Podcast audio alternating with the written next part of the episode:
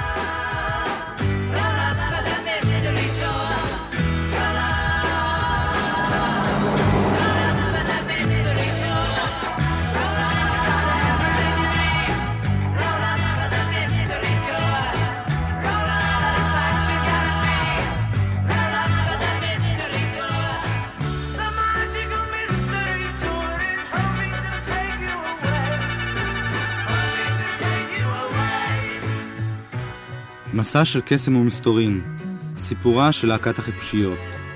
מה נביא בסדרה הזו? כמו שאמרתי קודם, אי אפשר להקיף את הנושא העצום הזה בצורה מוחלטת.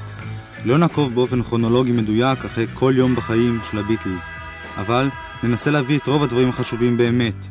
מי שיאזין לכל פרקי הסדרה ישמע, בסופו של דבר, את כל השירים של החיפושיות, את רוב ההקלטות הנדירות שלהם, את כל הסיפורים החשובים שקשורים אליהם. במסע הקסם המסתורי אנו מתייחסים לחיפושיות עד 1970, עד פירוק הלהקה. המבט על התופעה גם הוא ממרחק של עשר שנים. יהיה בו אולי מעט מן ההערצה שרכשנו עליהם אז, בשנות ה-60, אך ננסה גם להסתכל על החיפושיות בצורה מבוגרת ואובייקטיבית יותר. נביא לכם ניתוחים מוזיקליים, חברתיים ופסיכולוגיים, נבחן את השירים ואת התופעות שנלוו אליהם, נגלה מי האנשים מאחורי השם ביטלס. נביא את כל האגדה של החיפושיות בשלמותה, אך גם ננפץ חלק מהמיתוסים הקשורים אל הלהקה החשובה ביותר בעולם הפופ.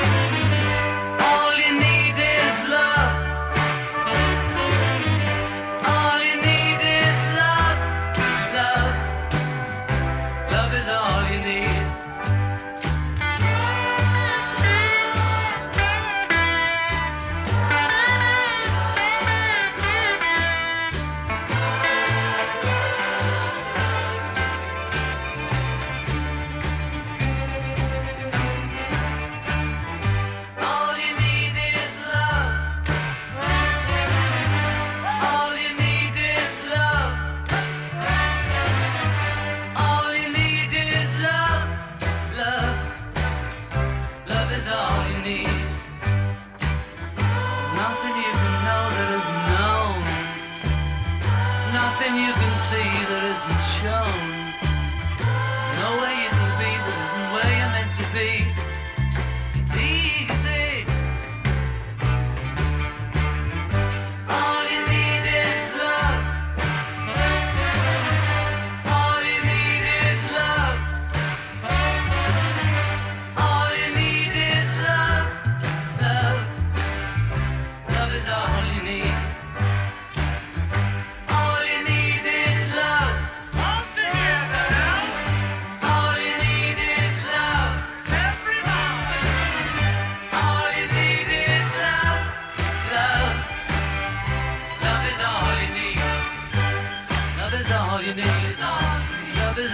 need. Love is all you need. Love is all you need.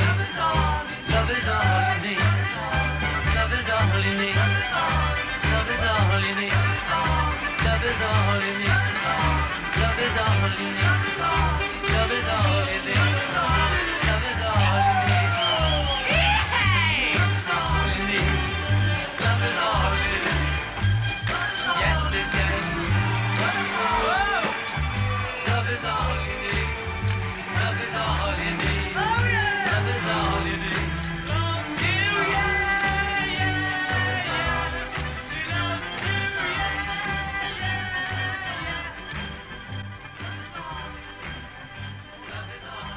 מסע הקסם המסתורי יוצא לדרך. התוכנית היום היא הקדמה, מדריך למתחילים לחיפושיות. למי שכלל לא מכיר את הלהקה הזו, או למי שהספיק כבר לשכוח, נביא עתה, בצורה מתומצתת מאוד, את סיפור החיפושיות.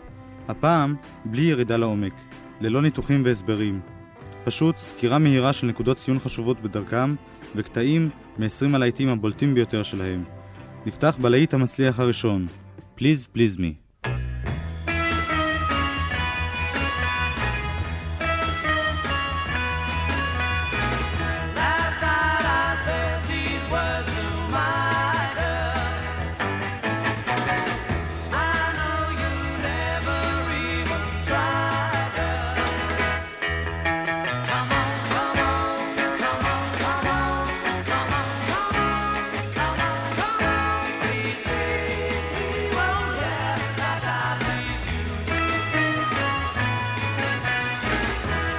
Me, הלהיט המצליח הראשון של הביטלס משנת 1963. כאן מתחיל הסיפור של הביטלס, אבל סיפורם האישי של ג'ון, פול, ג'ורג' ורינגו מתחיל 23 שנים קודם לכן. באוקטובר 1940 נולד ג'ון לנון בליברפול שבאנגליה. בהיותו תלמיד תיכון מקים ג'ון להקת קצב בשם ה-Quarrymen, החוצבים. הלהקה מנגנת מוזיקת רוקנרול אמריקנית. בשנת 1956 פוגש ג'ון לנון גיטריסט צעיר בשם פול מקארטני, הוא מצרף אותו ללהקה. שנתיים אחרי המפגש ההיסטורי הזה, מביא פול גיטריסט נוסף, צעיר בשם ג'ורג' הריסון. הבסיס לביטלס נוצר, אבל השם ביטלס נולד רק בשנת 1959, כשהלהקה יוצאת לסיבוב הופעות ראשון בסקוטלנד. ב-1960 מצרפים אליהם השלושה נגן בס, חבר ותיק שלהם בשם סטו סטקליף. סטקליף עוזב את הלהקה אחרי זמן קצר ומת. גם מתופף הצטרף, אחד בשם תומאס מור, איש לא זוכר אותו היום. Just let me hear some of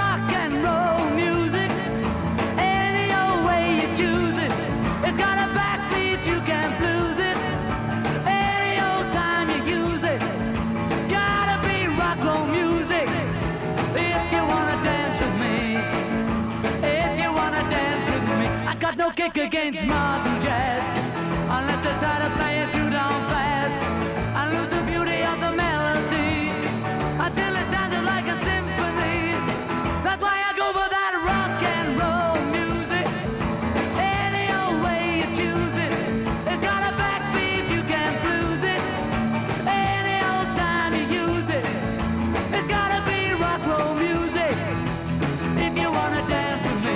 את הפרסום הראשון קונה להקת הביטלס, או כפי שהיא נקראת אז, Silver Beatles, חיפושיות הכסף, דווקא בהופעות בהמבורג שבגרמניה. החמישייה, אז עם פיט בסט כמתופף, מופיעה במועדוני לילה שונים בהמבורג בשנים 1960 עד 1962, ומפתחת בהם טכניקת הופעה מיוחדת במינה. הופעה מבוססת על השתוללות פראית, על נגינה עד אובדן חושים.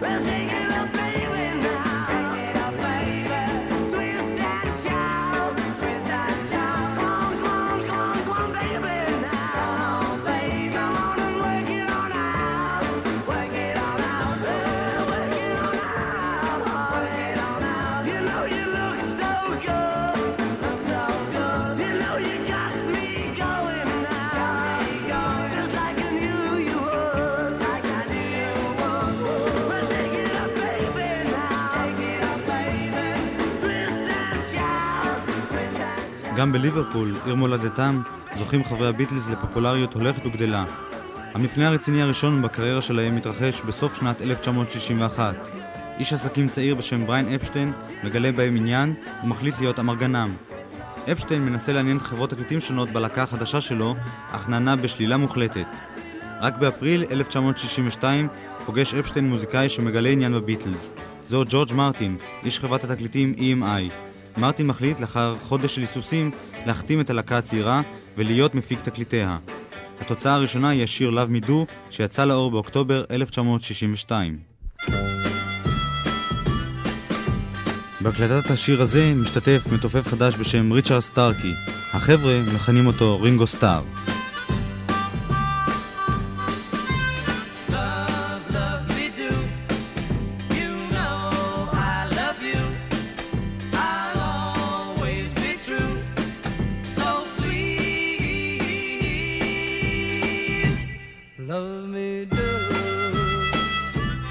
שנת 1963 היא שנת ההצלחה הגדולה הראשונה של הביטלס, בה הם הופכים מלהקת קצב מקומית בליברפול ללהקה המדוברת ביותר בבריטניה. בינואר יוצא האלבום הראשון שלהם, Please Please Me. האלבום שוהה במקום הראשון במצעד הבריטי במשך כחצי שנה. תקליטונים מצליחים באותה שנה, Please Please Me, From Me to You, She Loves You, וההצלחה הגדולה ביותר של השנה, I Want to Hold Your Hand. השיר הזה נכנס הישר למקום הראשון במצעד הבריטי.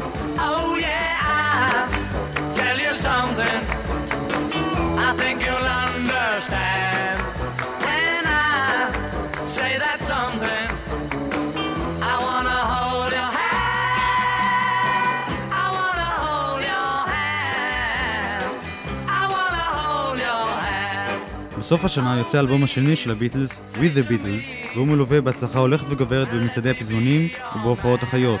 השיאים בהופעות האלה הם קונצרט בפלדיום הלונדוני, המסמל את תחילת היסטריית החיפושיות, מה שנקרא אחר כך הביטלמניה.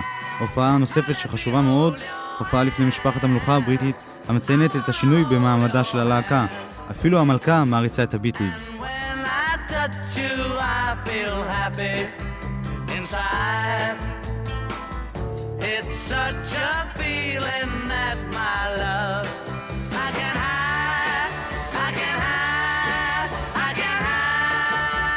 שנת 1964 היא השנה בה כובשים הביטלס את אמריקה ואת העולם כולו. הביטלמניה בשיאה בבריטניה ואירופה, והיא פושטת במהירות גם בכל רחבי ארצות הברית. I want to hold your hand הוא הלהיט הבריטי הראשון בהיסטוריה, המגיע למקום הראשון במצעד האמריקני. בפברואר 64 מגיעה הלהקה לסיבוב הופעות ראשון בארצות הברית. הסיבוב מלווה בתופעות של היסטריה המונית שלא נראו עד אז. I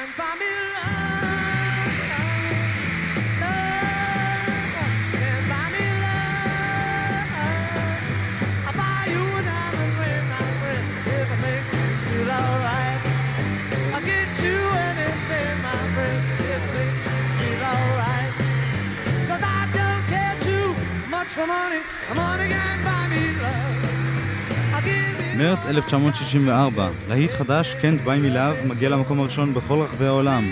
ביולי אותה שנה יוצא למסכים סרטם הראשון של הביטלס, לילה של יום מפרך. הסרט מתעד את הביטלמניה ומלווה באלבום השלישי שלהם, A Hard Day's Night, וגם בלהיט ענק באותו שם.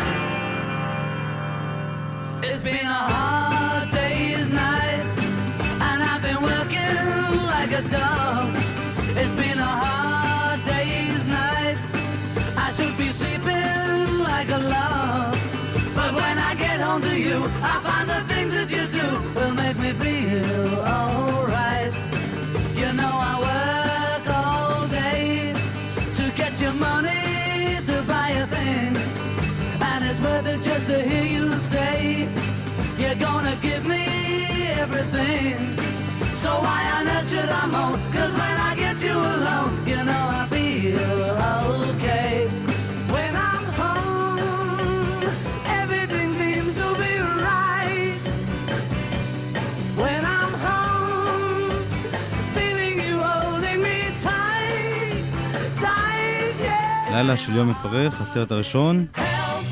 I need somebody. Help! Not just anybody. Help! You know I need someone. Help! הלפ, הצילו, הסרט השני של הביטלס בשנת 1965.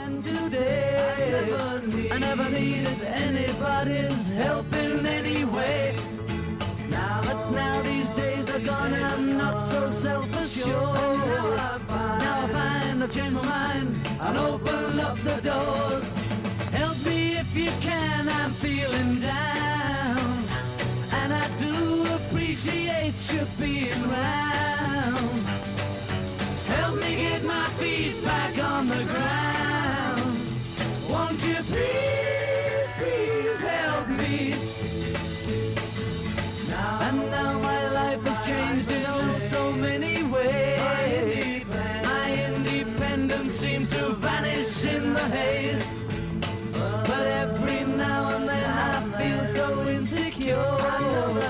I, know that I just need you like I've never done before.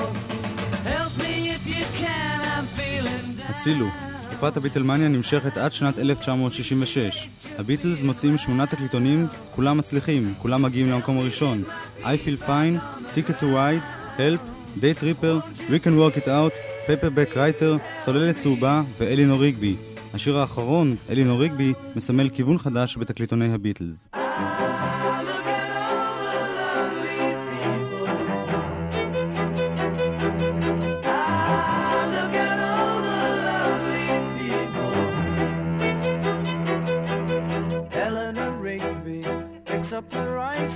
Church where a wedding has been.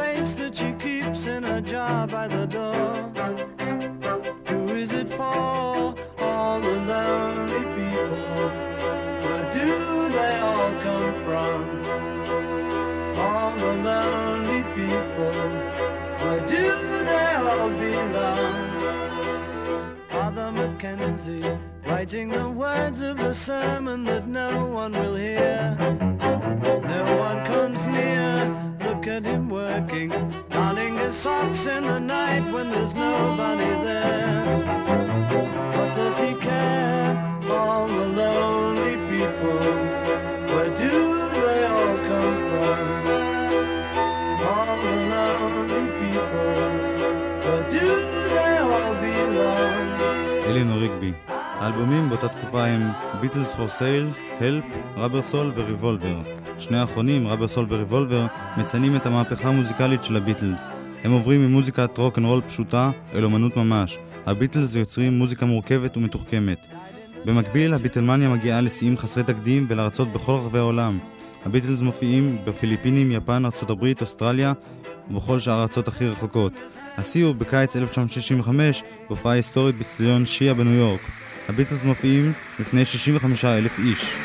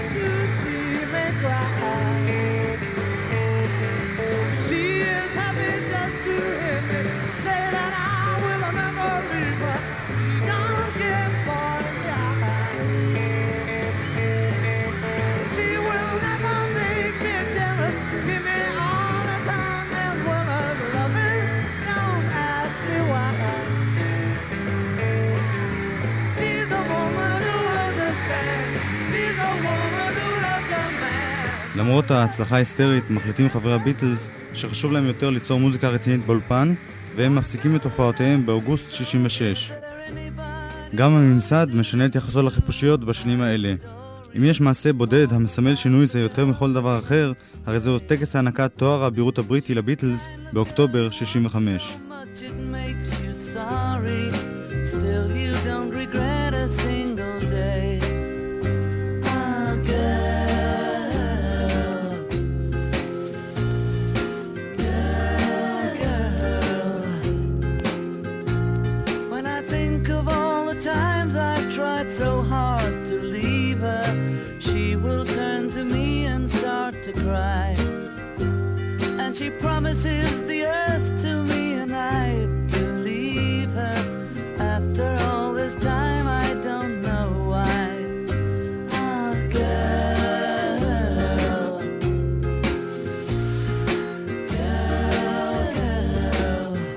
בקיץ 1966 מכריז ג'ון לנון שהביטלס גדולים יותר מישו. התגובות הסוערות בעולם, שכללו החרמת התקליטים שלהם, שרפת התקליטים שלהם, מוכיחות גם הן על הפופולריות היוצאת מן הכלל של הביטלס. אך לחפושיות עצמם זה לא כל כך אכפת, הם באולפן עובדים. הפסקת ההופעות מאפשרת להם להקדיש הרבה יותר זמן ליצירת חידושים מוזיקליים, והם מגיעים לשיאים חדשים בכל הקלטה חדשה. And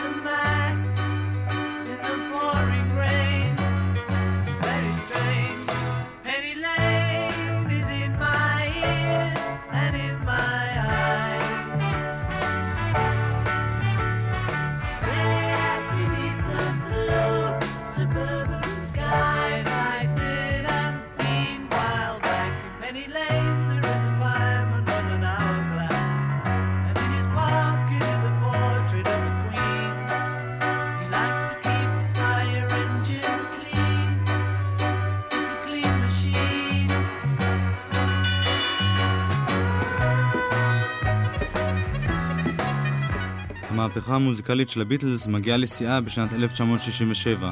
זה מתחיל בתחילת השנה בתקליטון הטוב ביותר שהוציאו אי פעם, צד א', Penny Lane, צד ב', Strawberry Fields Forever, שדות תות לנצח.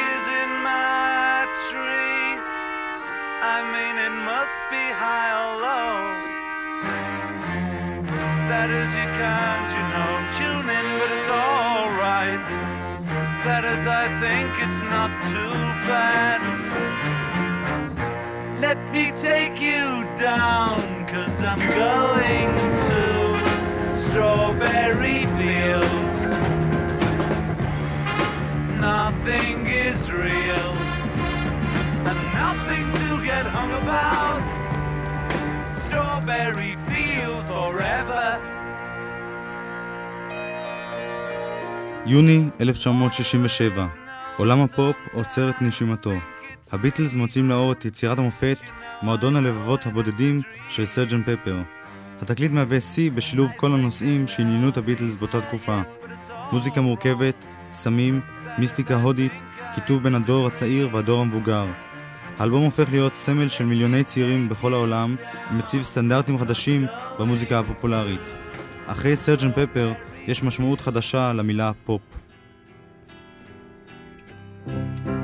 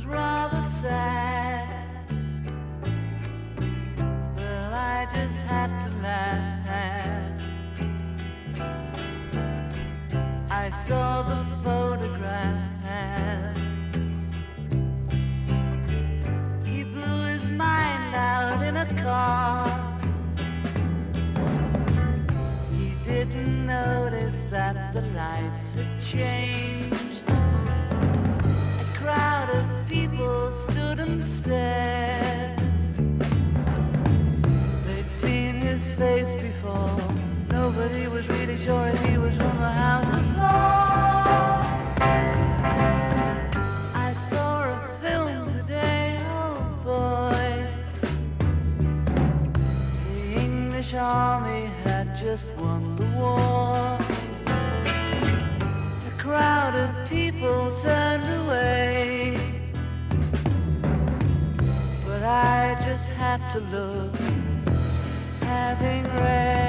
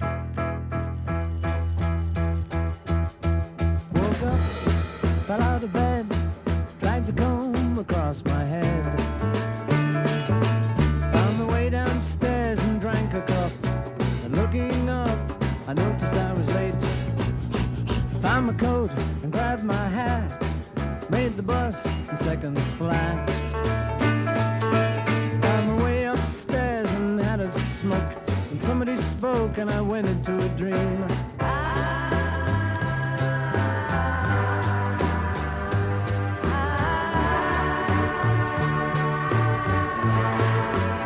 סרג'ן פפר, הביטלס הם הלהקה המצליחה ביותר בעולם.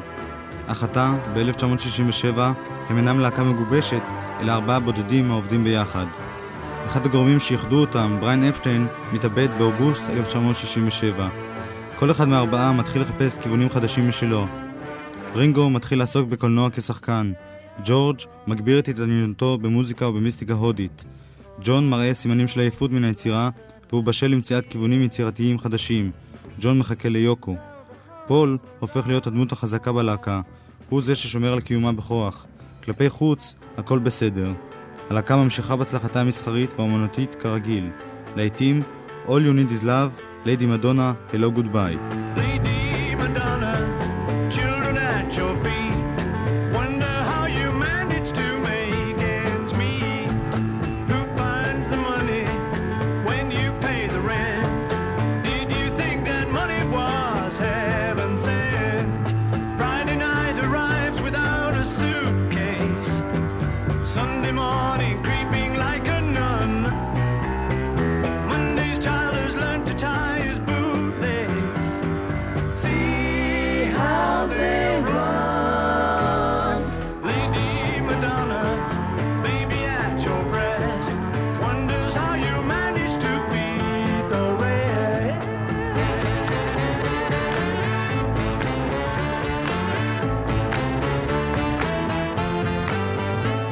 בסוף 1967, הכישלון הראשון של הביטלס, סרט טלוויזיה יומרני שהמציא פול מקארטני, Magical Mystery 2, מסע קסם מסתורי. הסרט נכשל, אבל המוזיקה, כרגיל, על רמה גבוהה מאוד.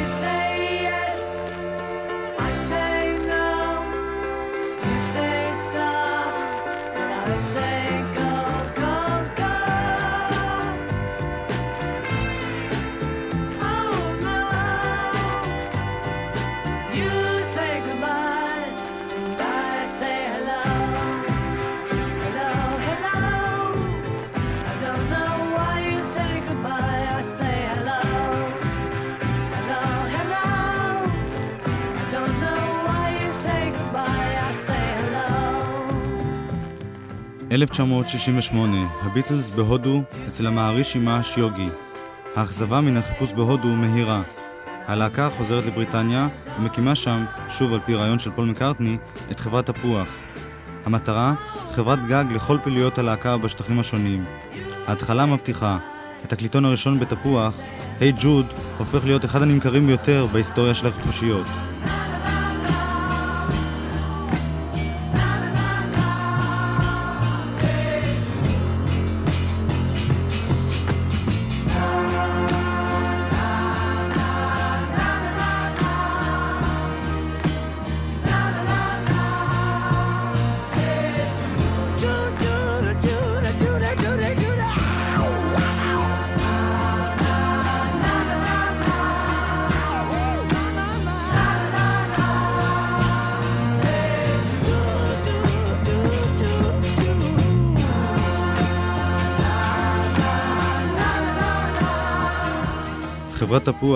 הופכת תוך זמן קצר לאימפריית ענק.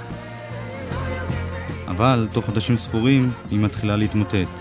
הביטלס לא הוכיחו את עצמם כאנשי עסקים טובים, אבל כמוזיקאים לא היה להם שום מתחרה.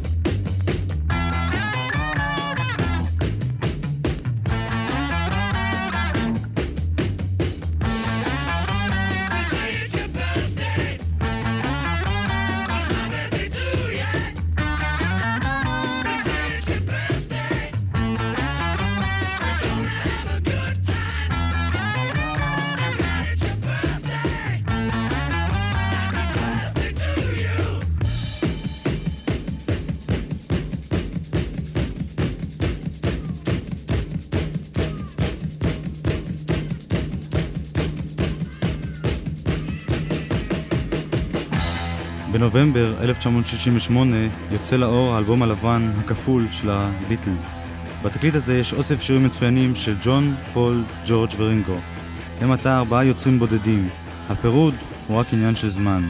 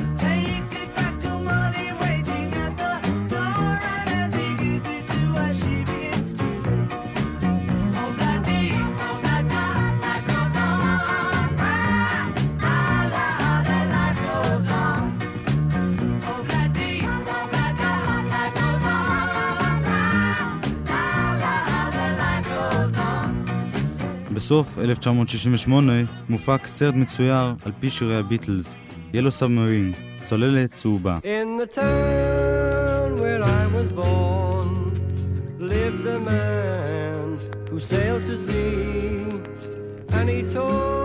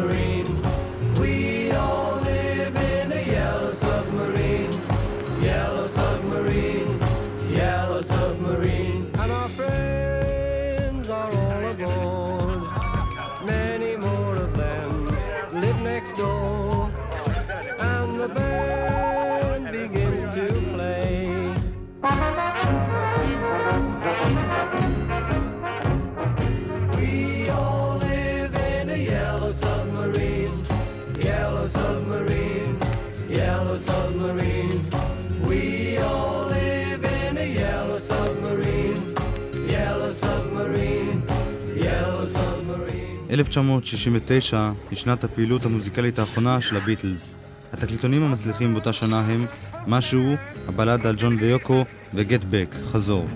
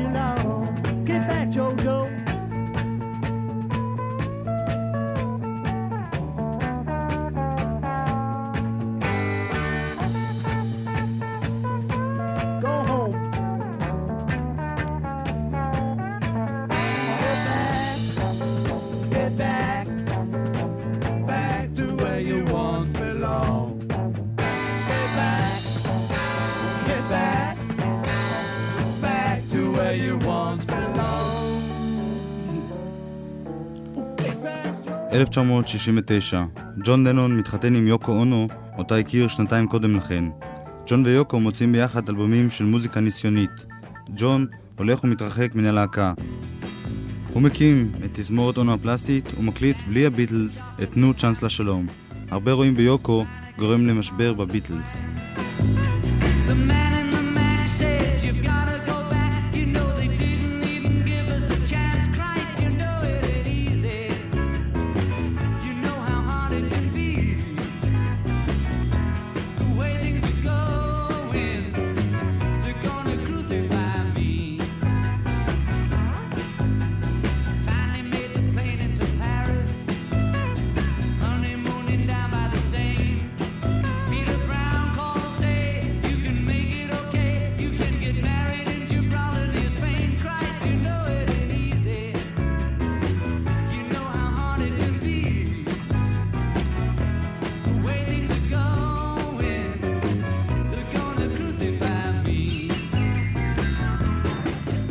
פול מקארטני מנסה בכוח לשמור על אגדת החיפושיות.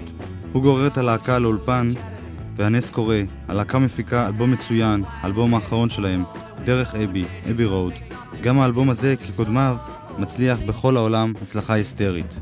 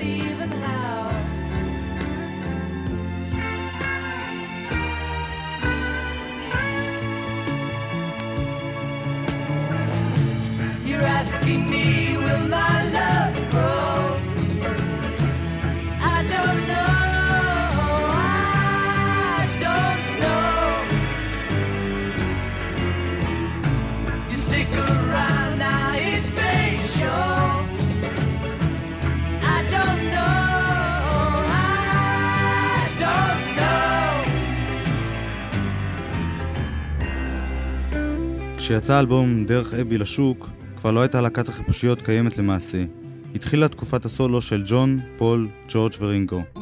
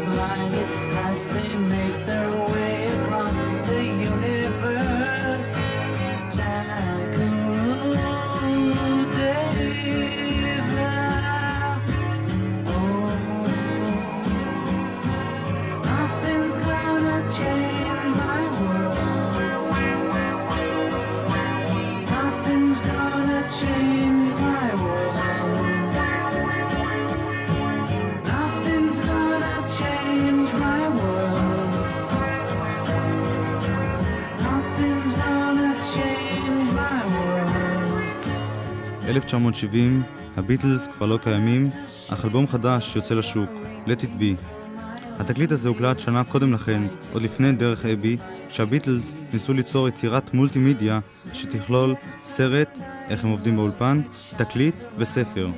ב-1969 נגנז הפרויקט הראוותני הזה בגלל סיבות מקצועיות ועסקיות. אך עתה, ב-1970, כשהביטלס כבר אינם, החליטה חברת התקליטים להוציא לשוק את האלבום הזה, Let It Be. Ringo, John, Paul, George. Ringo, John, Paul, George. All together now. Ringo, John, Paul, George. עשרה באפריל 1970. פול מקארטני מודיע במסיבת עיתונאים שהוא פורש מן הביטלס. ג'ון לנון מגיב, פול פוטר, לא התפטר. הביטלס מגיעים לסוף הדרך.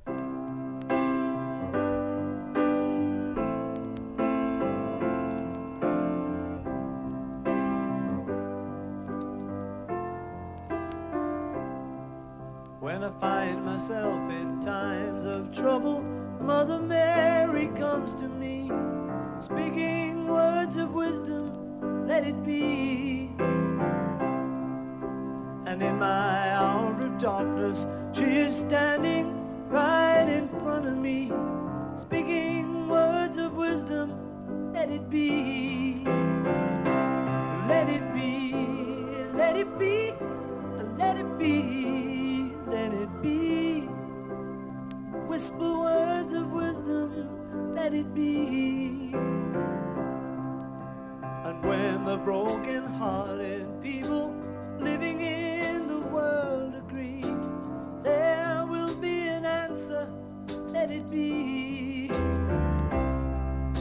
For though they may be parted, there is still a chance that they will see. There will be an answer, let it be.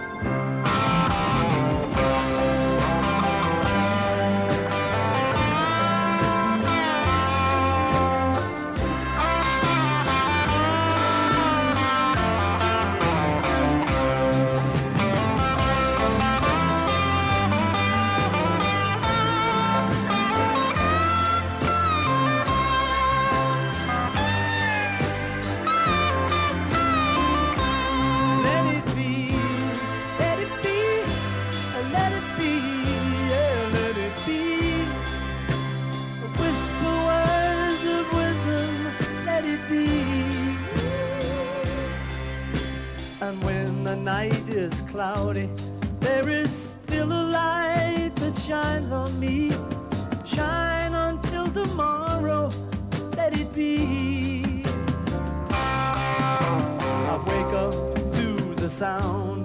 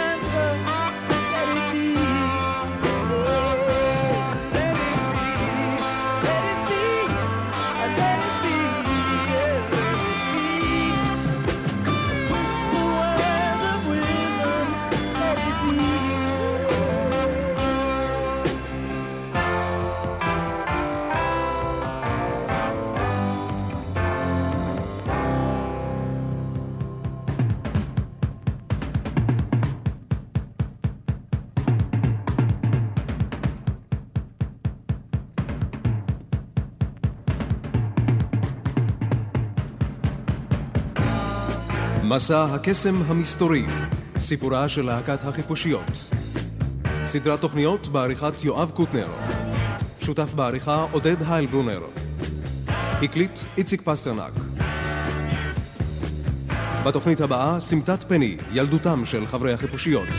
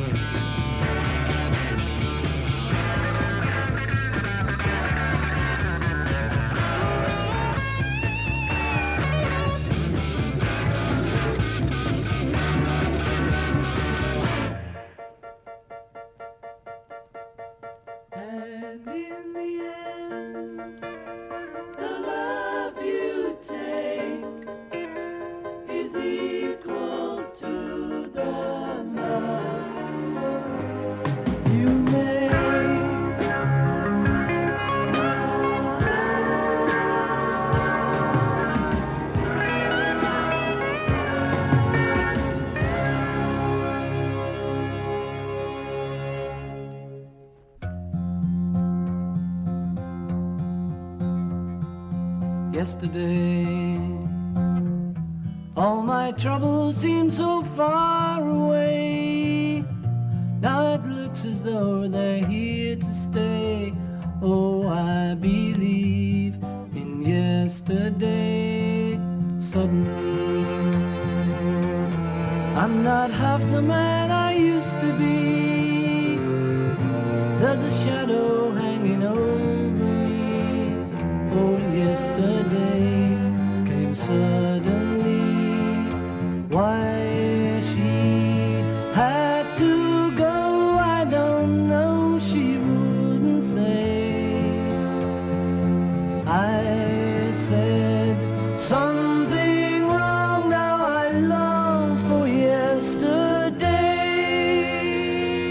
Yesterday.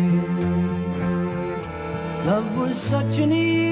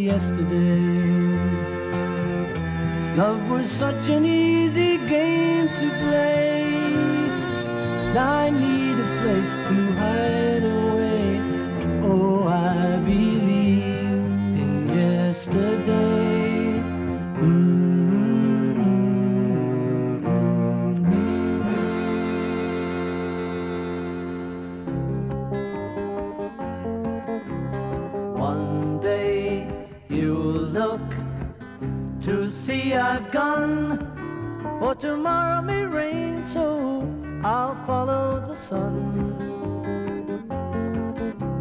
Someday you'll know I was the one, but tomorrow may rain, so I'll follow the sun.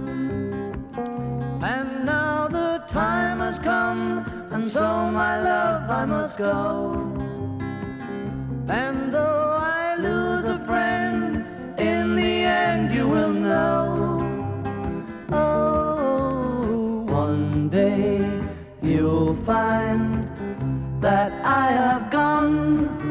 but tomorrow may rain, so I'll follow the sun.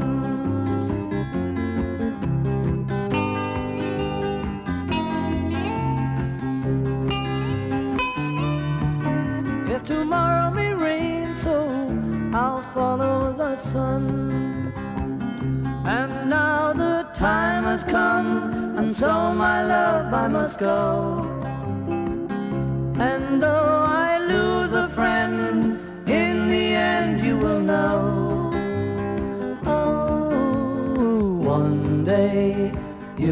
find that I have gone. But tomorrow may rain, so I'll follow the sun.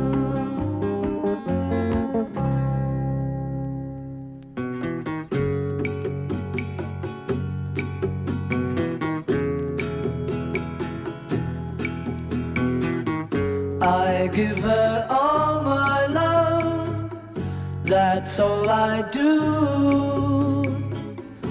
And if you saw my love, you'd love her too. I love her. She gives me everything and tenderly. The kiss my lover brings, she brings to me, and I love her. A love like ours could never die as long as I have you near me. Bright are the stars that shine, dark is the sky. I know this love of